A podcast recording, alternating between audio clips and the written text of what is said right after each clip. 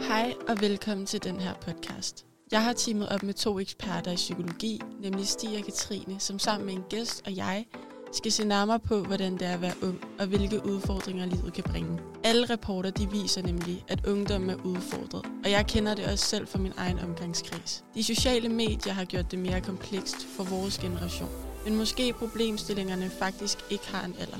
I dag er det Stig, som jeg har med i studiet, og som skal guide dagens gæst. Stig, vil du ikke kort introducere dig selv?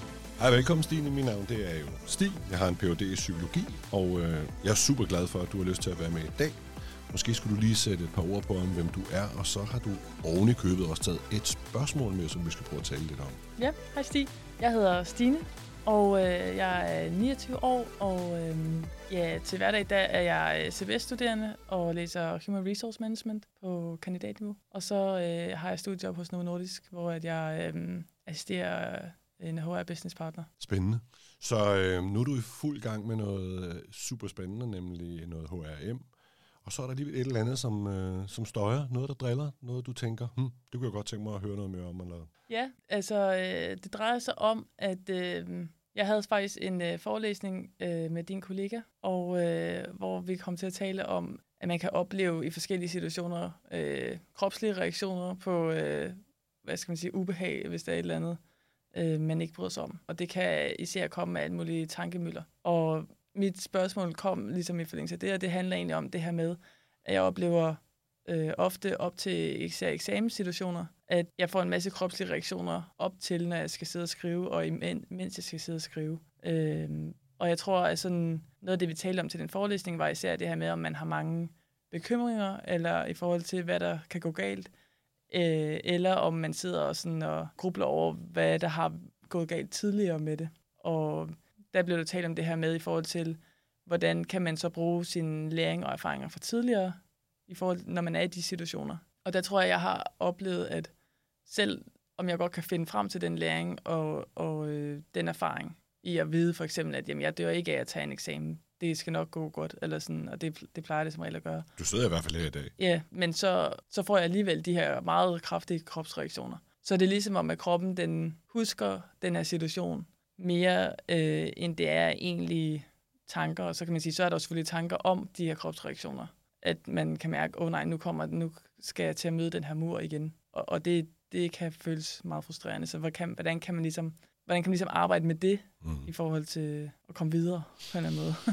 Fordi normalt så bliver man, taler man om, at kropslige reaktioner kan være en positiv ting, som man skal registrere. Men hvor her, der føles det mere som en mur, fordi jeg skal jo stadig lave min eksamen. Altså jeg kan ikke bare gøre noget andet. Nej, så nu sagde du sådan til at starte med noget omkring, at du bekymrer dig.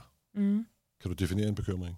En bekymring kommer i forhold til, at jeg... Ja, ja jeg spurgte ikke til, hvad Ej. det var, du bekymrede dig om. Ah, okay. Men hvad, hvad kendetegner en bekymring? Øhm, det er jo noget, der ikke er sket endnu, men ja. som man er bange for, der kommer til at ske. Ja, rigtigt. 50 procent. Hvad er så de sidste 50 procent? Det pas. det er, du er ligesom alle andre mennesker. Men du brugte bare et ord som bekymring, og ja. det er jo interessant at bruge et ord, som vi faktisk ikke engang ved, hvad det betyder. Ja. Som bekymring er kendetegnet ved to ting. Det er, som du ganske rigtigt siger, det er en negativ tanke om noget, der ikke er sket endnu. Mm. Den er altså fremtidsrettet. Ja. Det er de 50 procent. Ja. Den anden del er, at der aldrig er en løsning med på ja, det scenarie. Okay. Giver det mening? Ja. Okay, hvis nu du begynder at have negative tanker om noget, som ikke er sket endnu, mm. og der ikke er en løsning med, ja. så begynder du jo at opfatte det som værende uundgåeligt. Ja. Det her kommer til at ske, for det der er jo ikke en vej med, der er ikke nogen løsning. Og så oplever vi både magtesløshed og kontroltab. Ja. Og det er faktisk det, som er angstprovokerende, og som er stressinducerende. Jeg må give dig et eksempel. Ja. Prøv at forestille dig en aften, så skal du i seng, du øh, går ind i soveværelset, du lukker døren bag dig, du kravler ned under dynen, og så kigger du op i loftet, og lige hen over hovedpuden, så sidder der sådan en stor, sort, behåret edderkop. Næsten alle kan jeg godt garantere dig for, der vil hjertet give et ordentligt hop. Vi ja. vil blive vildt forskrækket. Ja. Så forestil dig, at nu rejser du dig op. Du tænker, jeg skal ud og have fat i støvsugeren til den fyr der. Mm. Og så tager du fat i døren, men nu soveværelsesdøren låst. Du kan ikke komme ud. Og så vender du dig om, og så kigger du op, og nu er edderkoppen væk. så vil du begynde at kigge rundt omkring, hvor i himlens navn, hvor fanden blev den af? Mm. Lige når du ser æderkoppen, så vil du opleve angst. Men det bliver ved selve angsten, fordi du kan jo komme væk Ja. og komme ud af henstøvsugeren. Mm.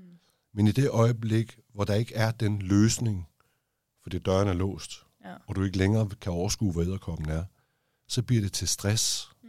for nu begynder du at panikke. Mm. Kan du se forskellen? Ja, det giver fin mening. Okay. Når du siger det her med kropslige reaktioner, så kropslige reaktioner kan være mange ting. Det kan være alt lige fra, du ved, man får ondt i maven, til man får diarré, til at man får hjertebanken. Det er jo aldrig et problem med hjertebanker. Har du tænkt over det? Det er et problem, hvis det ikke banker. Ja, ja. Det er klart. Det er en ny situation.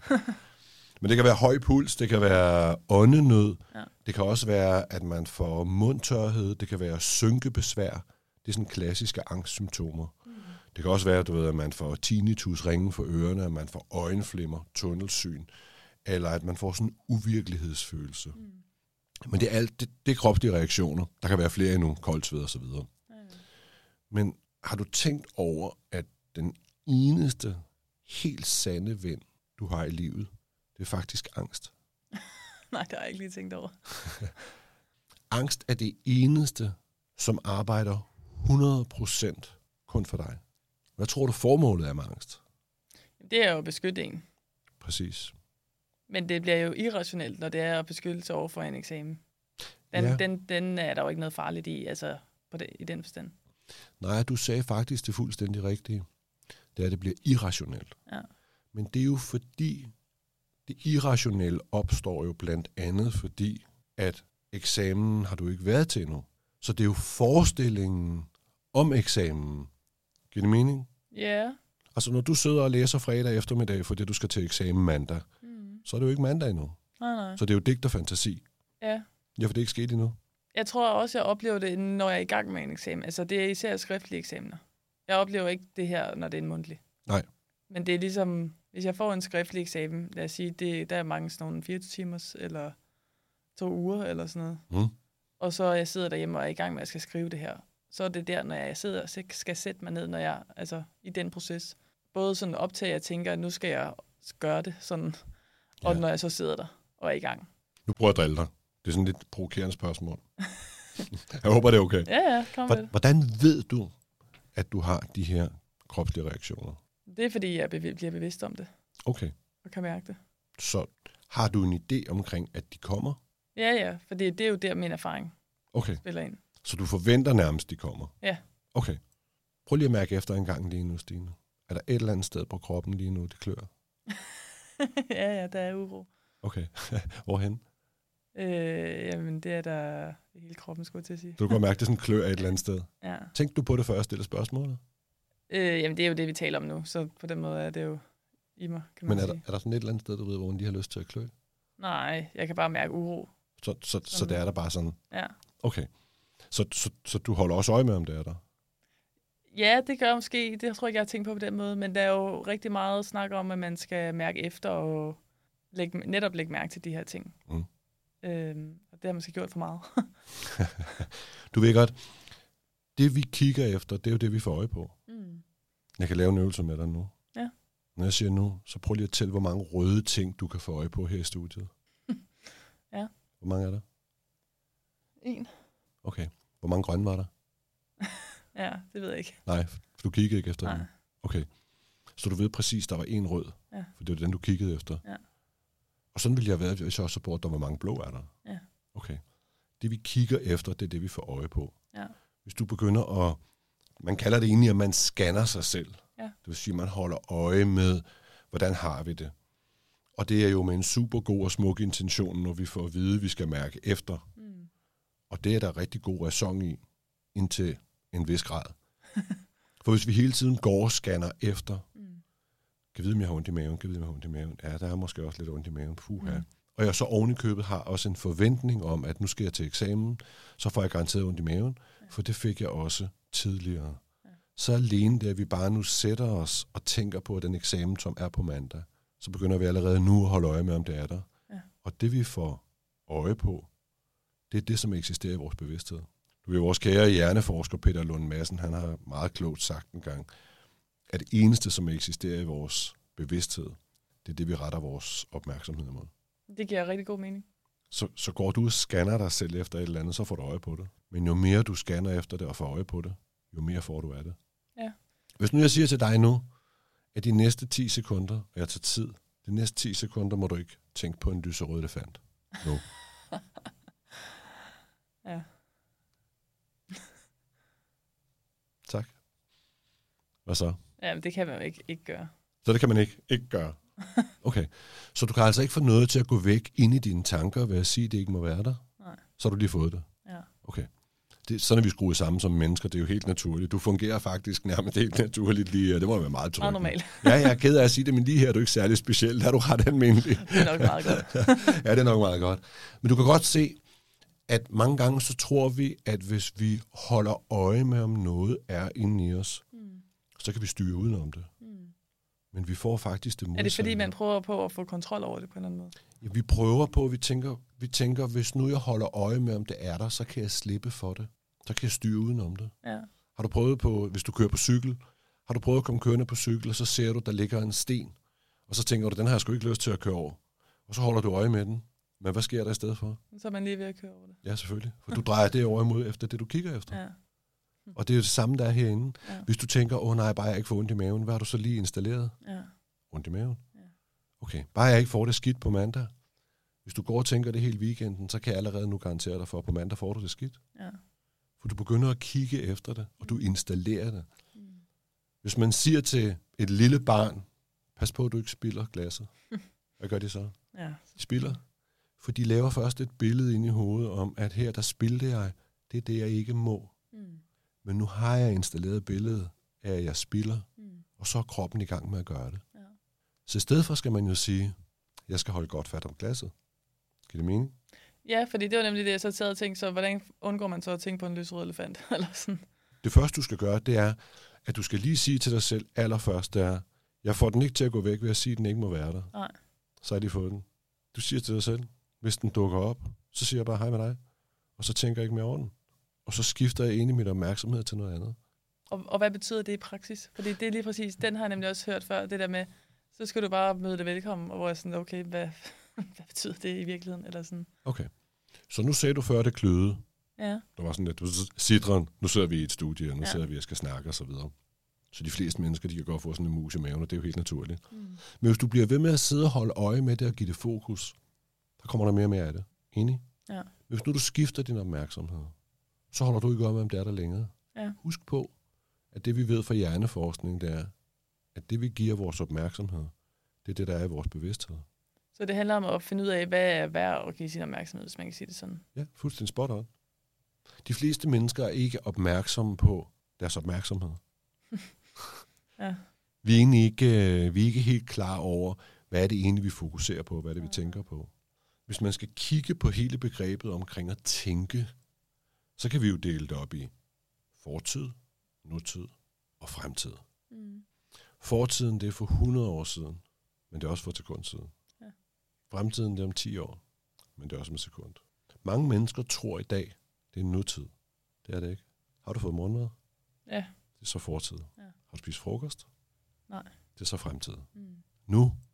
Det er lige nu, og lige nu er fortid.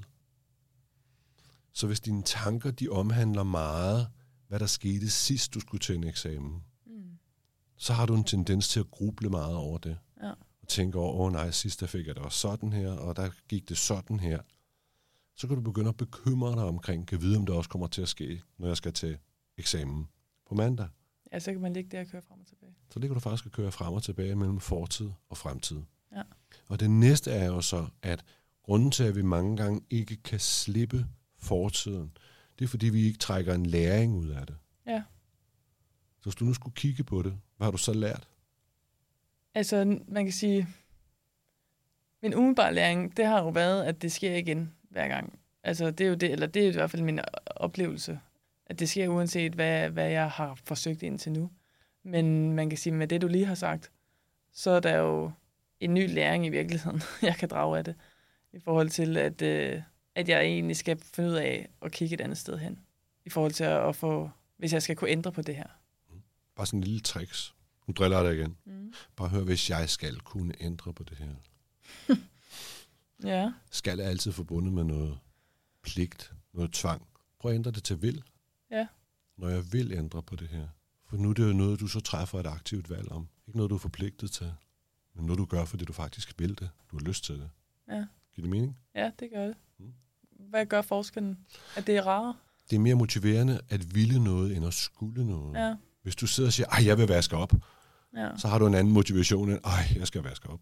Ja, det kan ja. Og det er så også det fokus, hvordan man op, altså om det er positivt eller negativt i forhold til... Det er bare et spørgsmål om, hvordan vi taler Ja. øh, til os selv, hvordan vi talsætter tingene. Det ene, det er noget tvangspræget, det andet, det er simpelthen noget motivationsstyret.